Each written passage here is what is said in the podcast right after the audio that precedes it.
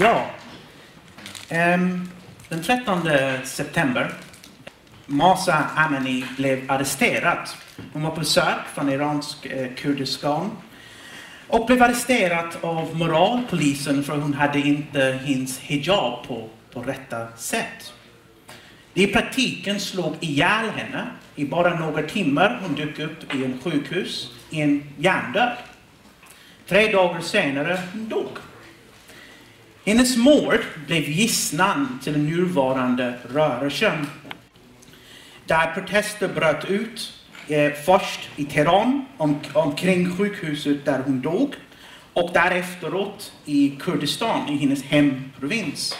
Och i loppen av bara några dagar rörelsen spred sig till varje stad i landet. När vi höll på att räkna hur många städer det var, vi kom på att Iran har inte fler städer, än 140. Eh, det hade börjat sprida sig till varje by i landet. Och från dag ett från rörelsen, den gick inte bara, ja, det var en enorm ilska, vaknat upp för mordet av Masa, men det gick direkt i politiska slagord som kallades eh, för slutet av den Islamiska republiken. Slagord som död, död åt diktatorerna och olika variationer som död, död åt Khamenei, den religiösa ledaren. Eh, men också slagord som betonade den eh, enheten av Irans etniciteter, som hela Iran är täckt i blod, från Kurdistan till Teheran och olika variationer. Men den centrala slagorden, en kurdisk slagord ursprungligen, har varit kvinnor, liv och frihet. Men man skulle fråga sig varför nu? Masas mord är inte unikt. 10 000 kvinnor blir arresterade av moralpolisen varje år. De blir brutaliserade, eh, våldtagen och mördade precis som Masa. Varför ledde Masas mord till det här nuvarande upproret?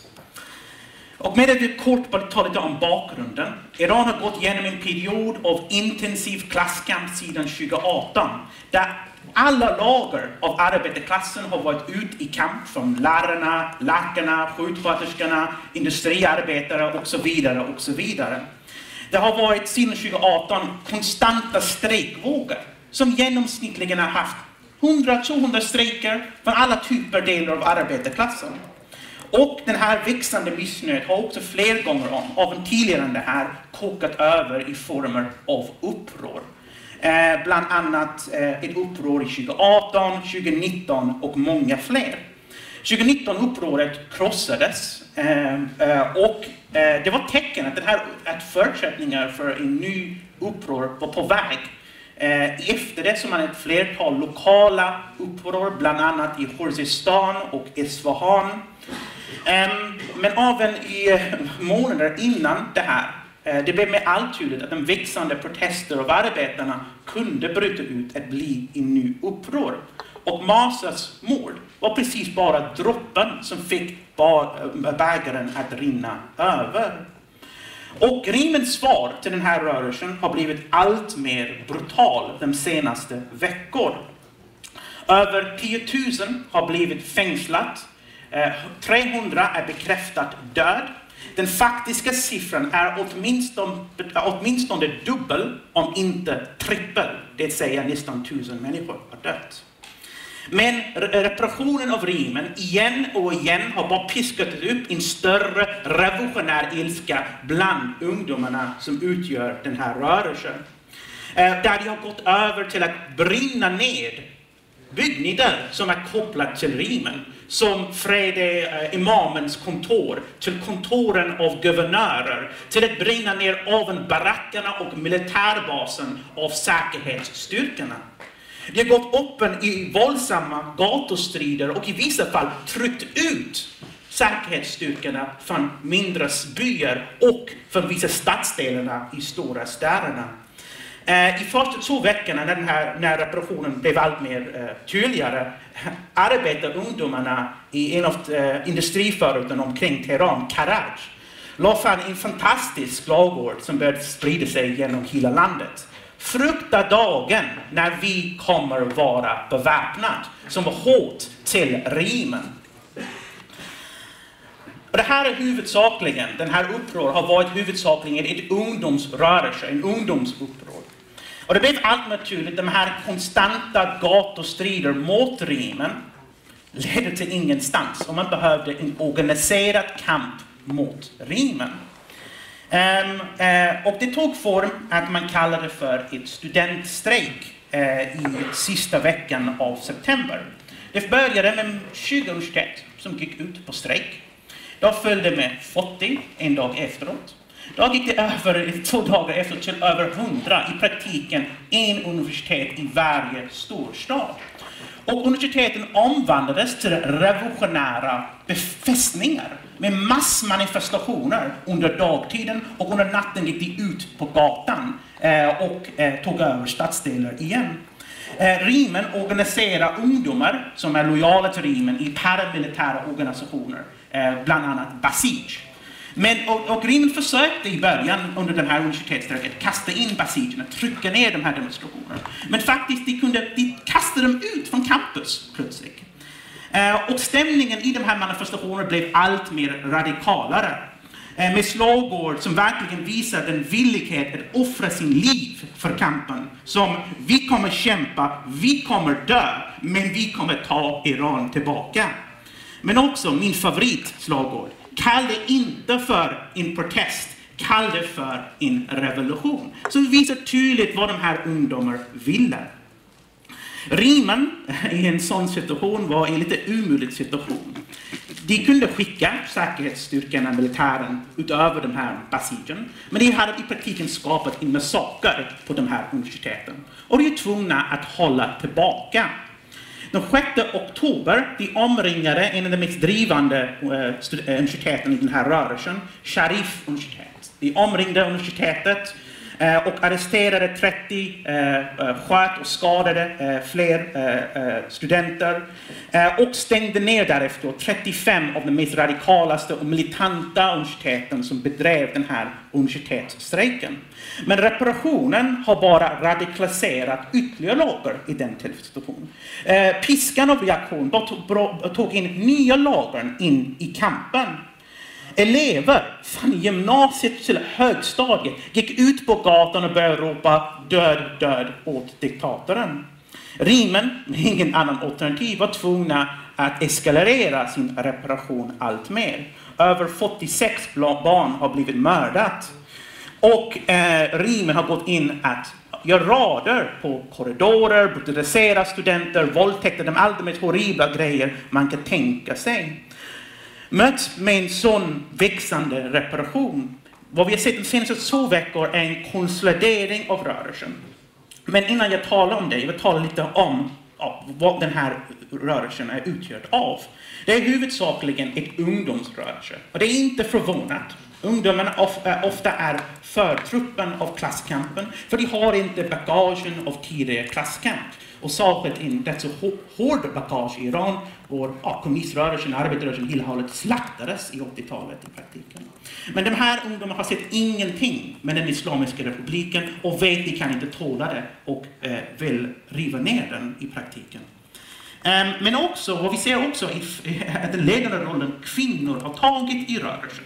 Och det här är inte slump heller, på grund av det horribla förtrycket av kvinnor och etniska minoriteter som kurderna är det, dem, det är dem som skulle vinna mest från fallet av Rimmen. Men vad vi sett allt mer är att industriarbetare från början av rörelsen har förklarat sitt stöd, hotat om strejker. Basarhandelsmän har gått ut om flertal spontana strejker eh, i stöd av, eh, av eh, ungdomen och många fler andra grupper inom eh, samhället. Eh, allt mer förlagar har svetsats ihop bakom den här rörelsen. Och det har skapat en enorm, eh, en enorm stämning av enhet. Till exempel nu på måndag, sex olika studentorganisationer skrev under på en uh, uttalande riktat till arbetarna att gå med i rörelsen. Där de uppmanar för en generalstrejk. Jag vill läsa upp en del av den här eh, uh, uttalandet som betonar rätt så tydligt den, ja, den klassbaserade metoder de utnyttjar sig allt mer. De säger det följande. Vi är med er arbetare. Vi kommer alltid vara med er arbetare. Antagningen är vi alla fria eller är ingen fri. För, för att frigörelsen för var och en av oss är bunden till vår gemensamma frigörelse. Den här rör, i ögonen av den iranska ungdomen, det här är en gemensam kamp eh, mot, förtryck, eh, mot förtryckarna av de förtryckta. Eh, och det här är helt och hållet i motsättning hur den västerländska medien har försökt att eh, presentera den här rörelsen som en kvinnorörelse, som en feministisk revolution. Det är sant, visst, kvinnor spelar en ledande roll, men det här är en kamp för frigörelsen av alla mot regimen. Och det här är helt och hållet i motsättning till exempel i Sveriges Radio. Det betonar som att det här har varit något motsättning om andra frågor tas upp. Där en journalist sa det, eh, sa det följande. Vad är intressantast och viktigaste? Att för första gången är det ingen som säger att kvinnokampen ska lämnas äh, till framtiden. Att kampen mot imperialismen, teokratin eller demokrati är viktigare. Som det skulle vara någon konkurrens mellan kvinnofrågan eller frigörelsen av arbetarklassen i stort. Um, men trots uh, den enorma framsteg den här rörelsen har tagit, den har vissa tydliga begränsningar. Det är ju att ungdomen ensam kan inte störta regimen. Rörelsen, trots den passiva stöden av arbetare eh, och andra grupper i samhället, det är huvudsakligen ungdomen som är ute på gatorna. Och vad har lett den här isolerade ungdomsrörelsen är ingenting annat än maturer och eh, fängslade ungdomar. I bästa fall de har kunnat trycka ut tillfälligt säkerhetsstyrkor från småbyar och stadsdelar i stora städer. Men i loppet av bara några dagar, när man ser den här plötsliga uppgången av klasskampen, återerövrar regimen de här områden med en horribel reparation. Um, och vad vi ser då istället är en mönster av en konstant fram och tillbaka. När regimen återerövrar de här områden, förtrycker ungdomarna, de, uh, eh, de, de piskar upp en av en större ilska bland ungdomarna och man ser en ja, åter, återuppgång av protesterna. Och det går bara runt och runt för allt evighet, så länge ungdomarna är isolerade. Um, ehm, uh, eh, ungdomarna har gjort allt de kan att försvara sig själva. De har gjort allt förutom att bokstavligt beväpna sig med vapen. Men de har gjort allt annat. De har skapat barrikader, eh, de har bildat organisationer som jag kommer till. De har eh, beväpnat sig, inte med vapen, med, med typ eh, stålpipes och liknande att slå eh, bort eh, rimen. De har bränt baser av säkerhetsstyrkor. Vad mer ska man förvänta sig av dem? Men om rörelsen just nu stannar var den är just nu eh, och stagnerar, kommer den hotas att bara dör ut. För det blir allt mer tydligt med den växande reparationen att man får ut ingenting ut av klasskampen. Ungdomarna kan inte fortsätta att vara konstant ut eh, på gatorna. Och det här speglar egentligen ungdomens roll i samhället. Att de har inget särskilt speciell roll i samhället, trots de är så radikala. Eh, eh, och särskilt studenterna. Att studenter går ut på strejk betyder ingenting för härskande klassen. Regimen har varit villig att stänga ner universiteten. Det gör inget skillnad för dem. Vi har lite mindre utbildade arbetare i längden. Men eh, det är inte den största hoten. Och det är precis skillnaden vad hade varit om det hade varit en generalstrejk. Det här har helt och hållet skapat regimen från grund och botten. Och det är, eh, jag tar upp det här för det förklarar rätt så tydligt varför vi talar om arbetarklassen som marxister. Vi talar inte om arbetarklassen som den mest förtryckta gruppen i samhället. Man skulle lista ut flera andra grupper i samhället som är mer förtryckta. Men på grund av deras roll i samhället, för att det är den enda eh, eh, klass i samhället som kan stöta härskande klassen. Det är den enda revolutionära klassen. Och det speglar egentligen deras roll i produktionen. Um, men också på grund av att eh, uh, uh, arbete, en annan grej är att arbetarklassen eh, utgör alla, alla förtryckta grupper, kvinnor, hbtq-personer, Irans etniska minoriteter, är en del av arbetarklassen. Och precis arbetarklassen har en förmågenhet att ena alla förtryckta mot förtryckarna.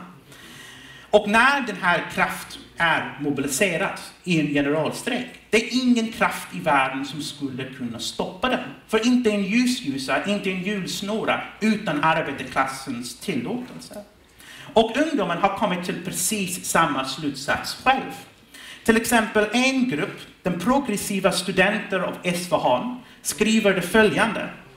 Med landomfattande och allmänna strejker kommer den presterande grupper på gatorna känna ett starkare stöd Och när, först när strejkerna når det industriella centrum för produktion och transport kommer regeringens repressiva maskineri praktiskt att stanna. Ehm, men det skulle kräva enorma steg framåt politiskt, som jag kommer eh, lite senare till. Ehm, men också ungdomen har, tagit, inte, eh, har också tagit enorma steg i organisering. Ur nödvändighet, det blivit allt mer tydligt att de behövt bilda organisationer som skulle kunna leda den här kampen. Ehm, och det här är utvecklat helt och hållet spontant. Till exempel den 23 och 22 oktober Eh, fler olika iranska eh, studentorganisationer skrev ett eh, samlade uttalande eh, för eh, att göra nationella mobiliseringen eh, den eh, helgen. Det tyvärr misslyckades. Men många av de här organisationerna uppmanade för mer organiserade eh, eh, metoder för att organisera kampen vidare. Bland annat att massproducera flygblad som uppmanar för en generalstrejk. Att, för att bygga stöd inom samhället. Um, och de, de här metoderna har inte spridit sig än. Så istället den 26 och, och, och, oktober bröt ut den senaste högpunkten av egentligen rörelsen. Då man sa ja, massdemonstrationer i varje stor, stor, storstad.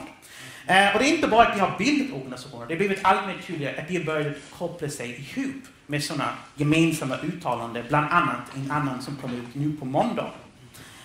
Men det är inte, ungdomen talar precis inte om, bara om ett generalstrejk. Eh, men aktivt agiterar för ett generalstrejk, som vi ser det här som det nödvändiga steget framåt.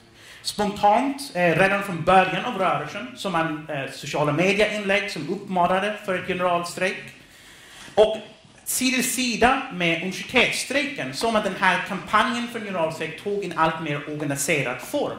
Eh, I att man började eh, producera flygblad, för regimen hade regelbundet stängt av interneten för att göra det svårt för ungdomarna att organisera sig. Så de gick över till flygblad och började dela ut det till arbetarna. Eh, och nu med eh, bildande av eh, studentorganisationer har de börjat göra den här agitationen mer systematisk och även försöker knyta band till de mer militanta arbetare som har bedrivit klasskampen sedan 2018. I Kurdistan den här kvalitativt steg framåt i klasskampen, i byggandet av organisationen, har gått längst. Ehm, I början av oktober grundade eh, i den kurdiska staden av Mahabad, Sananjad eh, och Saqqez, bland andra, ehm, ungdomsrevolutionära råd. Eh, och det här är egentligen organisationer som är byggt i minnet av arbetarråden, eller eh, shuras som det kallas på persiska, eh, som eh, dök upp under den iranska revolutionen 1979. Egentligen en, parallell, en, en embryot för en arbetarnas styre som faktiskt under den iranska revolutionen konkurrerade med makten med islamisterna. Vi måste dock måste ha lite sinnesproportioner. Det här är ungdomssovjeter. Det här är inte faktiska sovjeter som involverar arbetare. Ehm, men trots de har försökt att göra detta eh, och de har haft förutsättningarna att bilda sådana organisationer. För att eh, i Kurdistan, var reparationen har varit hårdast, där i praktiken en situation av inbördeskrig har skapats av regimens attacker. Eh, det har piskat upp fler gånger lokaliserade generalstrejker i de kurdiska städerna. Och det är därför de har kunnat trycka ut eh, säkerhetsstyrkorna helt och hållet. Men ungdomarna eh, från den här, de här revolutionära ungdomsråden har kallat för, flera gånger under de här generalstrecken, för bildandet av arbetarråd för, shura, för shuras. Men tvärt de misslyckades. För att de här perioder av eh, alltså, de här eh, generalstrejker är extremt kortlivliga. För att en isolerad generalstrejk kan inte störta regimen. Arbetarklassen i Kurdistan är rätt så liten, en extremt underutvecklad eh, eh, provins. Och de kurdiska ungdomsråden har själv kommit till slutsatsen att de behöver ett nationell kamp och har uppmanat och faktiskt har varit en drivkraft för bildandet av de här studentorganisationerna. De här är i praktiken revolutionära studentgrupper vi ser runt om hela landet. Men de har helt rätt. I att general, eh, studenterna och ungdomarna har helt rätt att en generalstrejk behövs. För att vad en generalstrejk skulle göra, det skulle visa den faktiska styrkeförhållandet mellan säkerhetsstyrkan eh, och regimen och massorna eh, och arbetarklassen. Att de är egentligen helt oförmågan att eh, trycka ner rörelsen. Och undvikligen, under en generalstrejk, skulle arbetarråd bildas i landet. först som strejkkommittéer, och sen som eh, eh, embryot för arbetarstyre. Och det är därför vi, säger, vi brukar säga att frågan om en generalstrejk, den ställer frågan om vem har makten i samhället, eller vem ska ha makten i samhället snarare. Ska borgarklassen fortsätta härska eller arbetarna? Och att ungdomen eh, tar upp slagorden av ett generalstrejk och att de kurdiska ungdomsråden tar upp eh, sovjeter kom, kom inte från ingenstans. Precis, det kommer från den iranska revolutionen 1978. Eh, jag vill ta lite kort om den revolutionen, för det har, det verkligen har format den iranska massornas medvetande.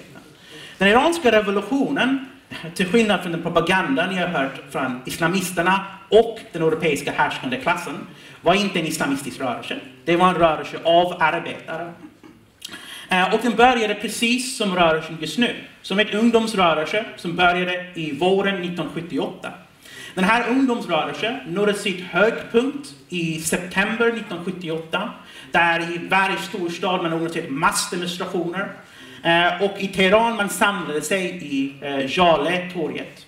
Shahen beordrade hans soldater att skjuta in i massan i Jale-torget. Det blev gisslan för generalstrejk. Strejken först bröt ut i Teherans oljeraffineri och från oljeraffineriet spred sig genom hela iranska oljeindustrin. Och från oljeindustrin, i loppen av tre eh, månader, spred det sig till den hela iranska ekonomin.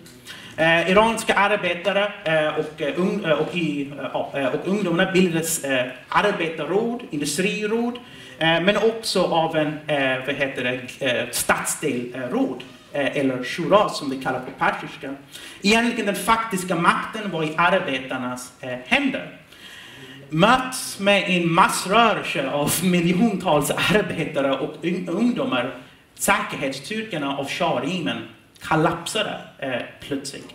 Många gick över till revolutionen eller gav över sin vapen. Vad var kvar av militären och resten av säkerhetsstyrkorna behövde gömma sig inom barackerna för att dess generaler var livrädda, de skulle också försvinna. Eh, Shahen flydde eh, i januari, eh, först till Egypten om jag minns rätt. Eh, I praktiken, regimen hade fallit och det var en fråga av spiken i kistan att vem skulle ta makten. Jag tvekar tala om detaljerna om iranska revolutionen, men jag hoppas någon tar det i diskussionen. Men det var, ja, det var inte arbetarna som tog makten, som mest borde veta. Men eh, den samma potentialen finns eh, idag. Eh, vår eh, eh regimen har gått igenom, eh, eh, ja, gått igenom en djup kris sedan 2018. Eh, den här klasskampen vi har sett sedan 2018 har blivit allt mer politisk och radikal. Visst, det började huvudsakligen med ekonomiska krav. Men den reparationen, även för ekonomiska krav, som arbetare såg, ledde arbetena till allt mer radikala eh, slutsatser. Bland annat till exempel, det var en lärarrörelse som, för, som började förra hösten och slutade i januari. I en av de sista talen eh, innan rörelsen eh, krossades, eh, en av eh, led, eh, ledarna för eh, protest, protesterna i staden Shiraz sa det följande. Eh, ja, ja, ni, ni, är det ni tror, är det ni, väntar ni för bönupropen för att börja plundra massorna? Eh, ni som eh, eh, en, enda glädje att leva på andra folks arbete, ni heliga shurer, eh, ni eh, eh, kriminella, av, den värsta kriminella av iranska historien. Och att sluta den här arbetet, lärare, i Guds namn, jag kommer se att vi kommer utrota deras rutten rim. Eh, och det är precis egentligen speglar den växande stämningen, inte bara bland lärare, men bland den iranska arbetarklassen i stort. Eh, men, för, men det här är bara ett potential. Utan något tydligt program som skulle kunna koppla den här stämningen till klassen, eh, koppla de ekonomiska krav som massorna har till stötandet av regimen, eh, kan inte den här potentialen förverkligas. Sida vid sida med den här växande klassmedvetenheten från arbetarna kan rimen alltmer inte splittra eh, befolkningen. Eh, tvärtom, eh, tidigare har rimen baserat sig på två faktioner att splittra rimen, eh, splittra arbetarklassen. Men det senaste valet verkligen avslöjade presidentvalet förra året. Eh, där de behövde diskvalificera alla kandidater förutom en. Eh, kandidaten de ville att vinna. Eh, de kunde av inte tillåta en konkurrens mellan kandidater som är rimlojala i rädslan att en rörelse skulle spricka ut runt om den. Och istället rimen har blivit tvungna att alltmer grunda sig sedan 2018 på terror. Men också rimen har rätt så väl kunnat eh, svartmåla den nuvarande rörelsen på grund av bristen av ett tydligt alternativ. Eh, bland annat rimen har skapat eh, helt galna konspirationsteorier, eh, att rörelsen är lett av zionister och barnen av shahens eh, säkerhetspolis, Savak. Eh, jätteroligt. Eh, för att eh, eh Islamiska republiken rekryterade majoritet av Savak-agenter eh, eh, själv. Eh, men okej. Okay. men, men det är bara på grund av en brist av alternativ som eh, skulle säkerställa att fallet av Islamiska republiken skulle innebära ett framsteg. Ehm, ehm, men trots detta, man skulle tänka okej, okay, men arbetarklassen hatar regimen. Varför går inte arbetarna ut i strejk? Eh, särskilt när man tar in en lång lista av fackföreningar från början av rörelsen har hotat om strejk. Bland annat lastbilschaufförerna i Khuzestan, Elam eh, och Kurdistan. Eh, visstidsanställda oljearbetare, eh, Haftape, sockerplantationarbetarna, eh, busschaufförerna av Teheran, eh, landets största fackförening, eh, eh lärarkoordineringskommittén, bland andra. Eh, och inte nämna också Bazar, handelsmännen, som utgör majoriteten av tjänstesektorn i Iran, har regelbundet gått ut på strejk eh, i, eh, i, stöd av rörelsen. Ja, och många av de här fackföreningarna precis var ledande i klasskampen eh, sedan 2018 för ekonomiska krav. Jag nämnde lärarrörelsen eh, eh som förra året och till ja, februari. Eh, Eh, den här rörelsen var en massrörelse, fick massivt stöd, och inte bara bland lärare men arbetare eh, runt om. Oljearbetarna också kallade ut för tre nationella strejker för ekonomiska krav. Eh, Haftape-arbetarna har kämpat mot dess arbetsgivare, deras arbetsplats blev privatiserad. Eh, de krävde arbetarkontroll och vann. Man skulle tänka sig, okej, okay, varför går inte bara de här ut i strejk? Ehm, de här fackföreningarna håller ut, rätt som håller tillbaka för en rätt så bra anledning. Vad hände till lärarrörelsen förra året? För ekonomiska krav, dess krav var extremt milda. Dess krav var en lön värd att leva på och att den konstitutionella rätten för gratis ut utbildning ska säkerställas. Vad tror du skedde till deras ledning? Den har varit in och ut från fängelse för de sista sex månader. Um, um, uh, eh, ensam om de här fackföreningarna går ut på strejk. Och det är precis samma grej om oljearbetarnas nationella strejker. Eh, men varje gång de här isolerade grupper har gått ut på strejk de har istället bara sett, eh, ja, blivit, blivit krossat av regimen. Eh, men trots detta, trots det enorma hotet och risken de här arbetarna tar, ha, eh, har vissa strejker brutit ut. Lärarfacket, som jag nämnde, gick ut på strejk den 23, 25. Eh, inte för att störta rimen. De vattnade ner lite sina krav, helt förståeligt. De vattnade ner sina krav till att alla fängslade ska frias och reparationen ska stoppas. Men vad var resultatet? Över hundra lärare blev arresterade. Och som en eh, eh varning till ledningen, Eh, eller till medlemskapen, arresterade de tre medlemmar och dömde dem för 15 års i fängelse. Oljearbetarna har också gått ut i strejk i världens största petrokemiska eh, arbetsplats på planeten, eh, i Bushir provins.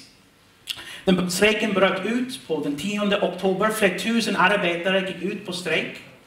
Men i mindre än en vecka och eh, Riemann släckte internetkopplingen till provinsen. Eh, men nu efteråt har vi fått lite rapporter vad skedde. Arbetsplatsen omringde, omringdes eh, och de stormade in i arbetsplatsen, brutaliserade arbetarna eh, och 350 arbetare blev arresterade.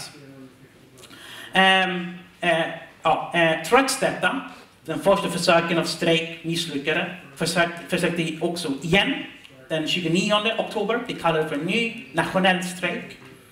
Men Riemen hade, fick veta om den här strejken, så de arresterade hela ledningen av, eh, eh av, eh, av eh, den här arbetarorganisationen.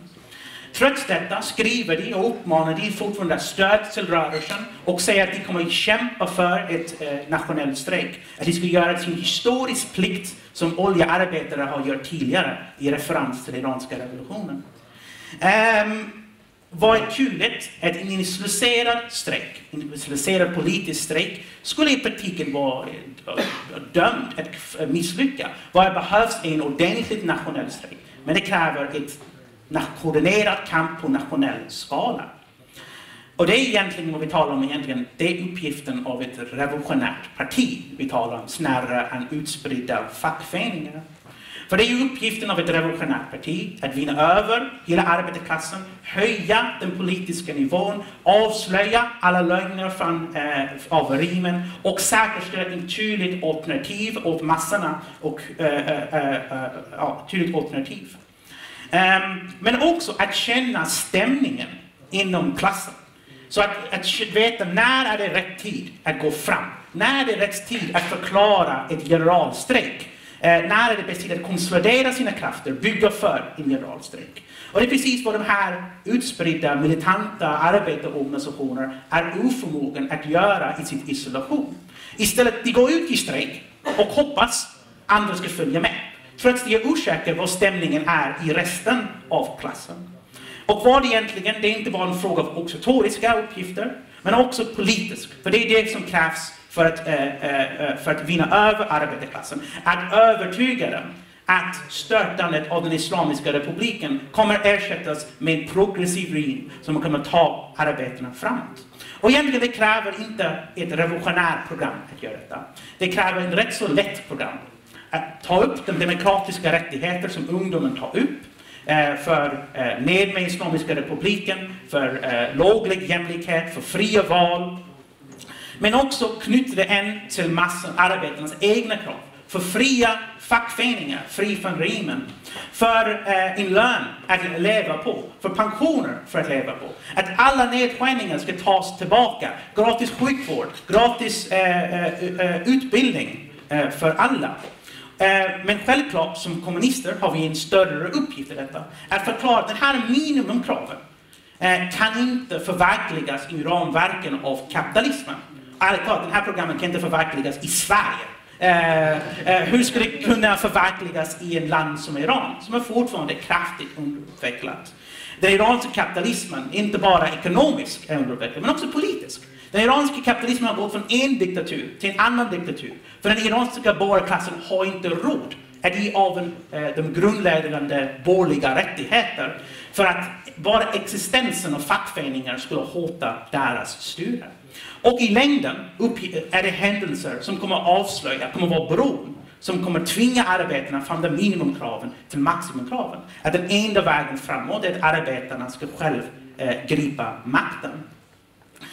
Um, och det här med ett sån tydligt alternativ, propagandan av eh, Riemen kommer helt och hållet misslyckas.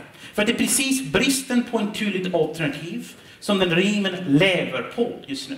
Och den har fått jättebra hjälp från våra goda vänner i vår egen härskande klass här i väst. Och den brutala ja, för detta monarkin av Iran, Pahlavi-familjen som har blivit, ja, fått platser uh, att tala på utlandsstödda iranska medier som BBC Persian, Iran International som är finansierat av Saudiarabien uh, uh, och andra eh, uh, sådana kanaler.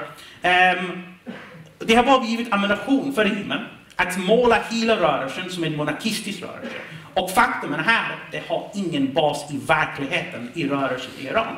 Eh, tvärtom, ungdomarna tar upp slagorden Död, död och tyrannerna. Var är det shahen eller eh, högsta ledaren?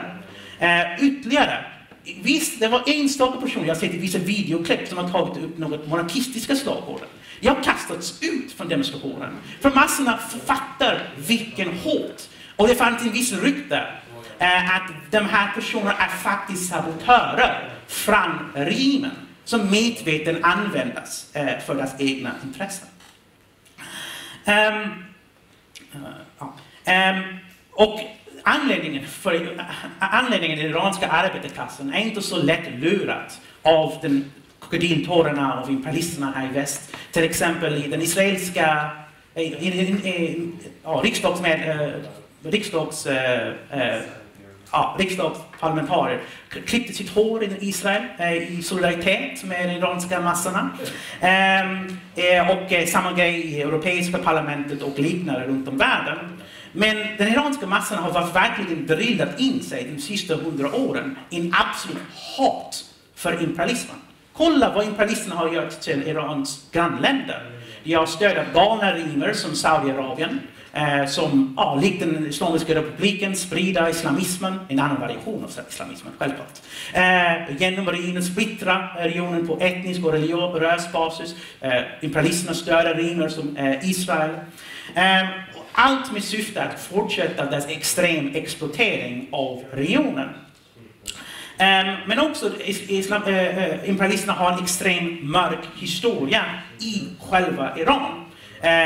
Uh, Shah-regimen, en imperialistiskt stödad regim, håller sig i makten genom kupper, eh, genom att träna shahens horribla säkerhetspolis Savak som mördade tiotusentals, torterade kommunister för över ett decennium eh, efter 50-talet.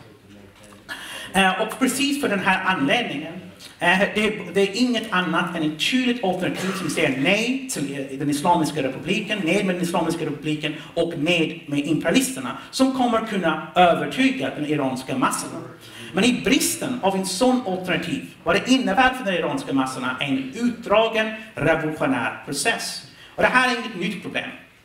Det är samma problem vi har sett sedan 2018 i alla de här upproren. Islamiska republiken har kunnat störtas, eh, störtas fler gånger om. Bristen har varit i ledarskapet i ett tydligt revolutionärt program. Um, och man ser också det här, dess koppling till imperialismen rätt så tydligt i upproret i eh, 2019. Upproret stoppade för en anledning.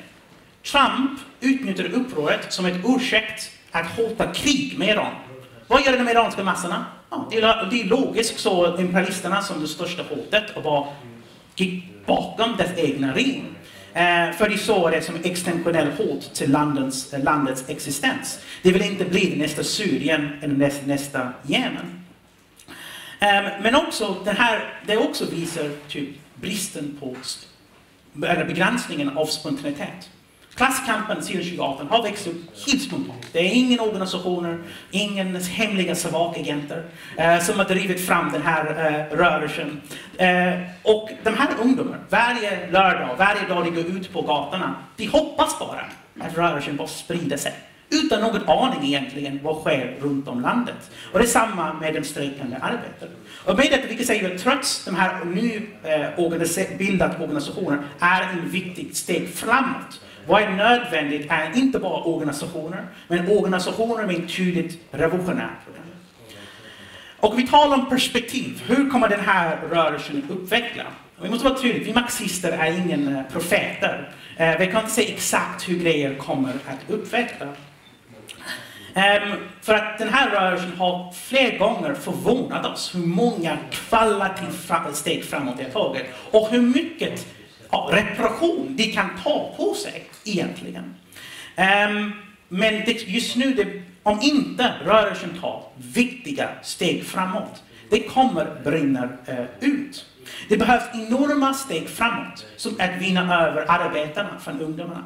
Att aktivt agitera på dem och vinna över dem på ekonomiska krav, på arbetarnas krav. Istället för de här vaga uttalanden man har sett hittills. Annars kommer rörelsen, eh, reparationen bli hårdare och hårdare och rörelsen kommer bara vittra bort i praktiken.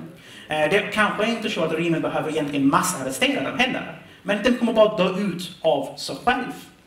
Men oavsett vad, Det kommer aldrig bli detsamma. Och jag vill läsa upp en uttalande från en av de revolutionära ungdomsrådet från Marivan. Vad de säger det följande. Den iranska politiska situationen kommer alltid eh, återgå, kommer aldrig återgå till hur det var för Masa-upproret. De kvinnor som står i första ledet visar vägen framåt för hela samhället. Kvinnor som efter, eh, efter år av kvävande från det tyranniska styret ser en möjlighet att skrika ut sina rättigheter, känna en fläkt av frihet. De har ingenting överhuvudtaget gemensam med de kvinnor innan revolutionen. Och vad egentligen det här uttalandet beskriver är den enorma omvandling av medveten som sker under en revolution. Och inte bara kvinnor, utan ungdomar.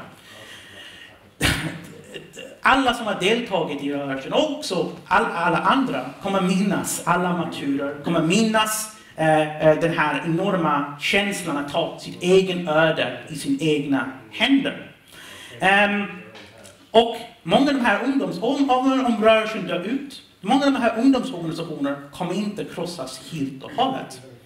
Ehm, och tvärtom, om rörelsen dör, ungdomarna kommer ha många frågor. De kommer tänka, vad gör vi fel? Vad är vägen framåt? Och tvärtom, det kommer leda till en enorm eh, törst för idéer, för att hitta vägen framåt. Eh, det är inte så att några av Irans problem, fattigdomen, eh, Irans eh, tyranniskt styre, kommer gå bort om regimen krossas. Tvärtom, de här motsättningarna kommer bli värre och värre eh, och en växande hat kommer bildas. Och det är precis, det här är inget nytt. All klasskampen bygger på varandra. Svaret är för näst för imorgon, vi kommer att diskutera om dialektiken. Men det är precis negationen av negationen. Att varje uppror sidan 2018 har blivit bättre organiserat. Ungdom har tagit slutsatser från sina erfarenheter och eh, eh, byggt på det.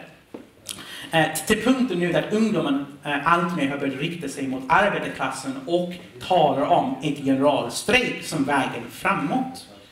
Um, och inte bara det, med också radikaliseringen 2018. Ett mest anekdotiskt eh, bevis, men det är värt någonting åtminstone. Det finns ett enormt törst för teori. Ungdom, de här ungdomarna som, vi, eh, som, eh, som eh, har bildat den här organisationen har systematiskt studerat den iranska arbetarrörelsens historia för att hitta vägen framåt. Tyvärr, vi kommer inte hitta den vägen framåt i den iranska arbetarrörelsens historia som blev dominerad av stalinismen och en kort period av gerillakrigtaktiker. Um, och, eh, och det finns en enorm möjlighet för marxismens idéer i en sån situation. Och ur detta kommer undvikligen ett revolutionärt program och en revolutionär organisation att bildas. Och vi ser i Iran är problemet är inte överhuvudtaget den objektiva situationen. Likt hela, det är samma situation man ser hela världen. Vi har sett flertal revolutionära rörelser eller förrevolutionära situationer. Vi har sett Sri Lanka, Sudan innan pandemin eh, och nu ser vi eh, Iran. Ehm, eh, och i alla de här fallen, och nu i Iran, arbetarna har gjort allt de kunde. Arbetarna, trots att de saknar någon form av nationella fackföreningar, eh, trots den horribla repressionen, vissa har vågat gå ut på en politisk strejk. Ehm, vad mer kan man förvänta sig av dem? Och har konstant gjort uttalanden i stöd av rörelsen. Att ungdomen, som har tagit så enorma spräng framåt, eh, eh, eh har bildat upp ett revolutionära organisationer. Ehm, eh, ja, eh, trots det enorma hotet, är ett enormt steg framåt. Men tyvärr, den här, den här spontana utvecklingen ur klasskampen räcker inte. För precis vad behövs en revolutionär organisation? Vad behövs är egentligen att innan det här upproret, en bolsjevikisk organisation hade funnits. Behövs inte vara en jättestor organisation. Ett par tusen hade räckt egentligen. Det hade räckt Eh, för att eh, i en sån situation hade man kunnat lägga fram ett tydligt program i rörelsen, binda ihop eh, eh, de utspridda studentorganisationer och åtminstone omvandla en rätt så liten organisation till basen för ett massparti egentligen, rätt så fort. Och det har skett flera gånger eh, i historien. Men tyvärr, en sån organisation Finns inte. Och det finns en logisk anledning. Marxismens styrkor har blivit försvagat eh, i kvantitet. Den iranska arbetarrörelsen slaktades eh, efter iranska revolutionen i 80-talet. Eh, men även den räckte inte egentligen. De ledde arbetarklassen i, eh, i misslyckad revolution, i misslyckad revolution. Um, den originala iranska kommunistpartiet slaktades i 30-talet av stalinisterna som stod på de genuina idéer om marxismen. Och därifrån den sovjetiska byråkratin rovade den iranska massan chansen att bilda en ordentligt kommunistparti. Istället, arbetarna igen och igen har letts i, miss, i misslyckad revolution på grund av bristen av, eh, av plats för de genuina idéer av marxismen. Det här har ingenting att göra med den iranska arbetarklassen som har gjort allt igen och igen genom sin historia att störta den här brutala regimen, från shah-regimen till den nuvarande Islamiska republiken. Och nu, det är rätt så tydligt att eh, trots Trotskij citat att historiens eh, kris har blivit reducerad till krisen av det revolutionära ledarskapet gäller mer än någonsin. Och vi ofta säger detta, ledarskapets tid. Men det är lite svårt, jag tror att kamrater har svårt att se vad det innebär konkret. Och det ser man rätt så tydligt i nuvarande rörelsen. Alla de här martyrerna, de över förväntat tusen som har dött, de över 10 000 som har blivit fängslade, som har blivit torterade. De har dött på grund att det har inte funnits en ledarskap att störta den här regimen. Um, och om inte en sån parti eller eh, med en sån program bildas i vår livstid kommer det här fortsätta i oändlighet. Um, och det är bara en fråga av tid, visst, tills vi bygger det. Och det här är inte bara gällande teorin. Vi ser det här världen över, hur kapitalismen har omvandlats allt mer till barbari. Uh, att uh, kapitalismen hotar att förstöra egentligen hela mänskligheten. Och med detta är vår uppgift här rätt så tydligt. För er som gått, har inte gått med i EMT, jag uppmanar er att gå med. Er som har, vi behöver bygga.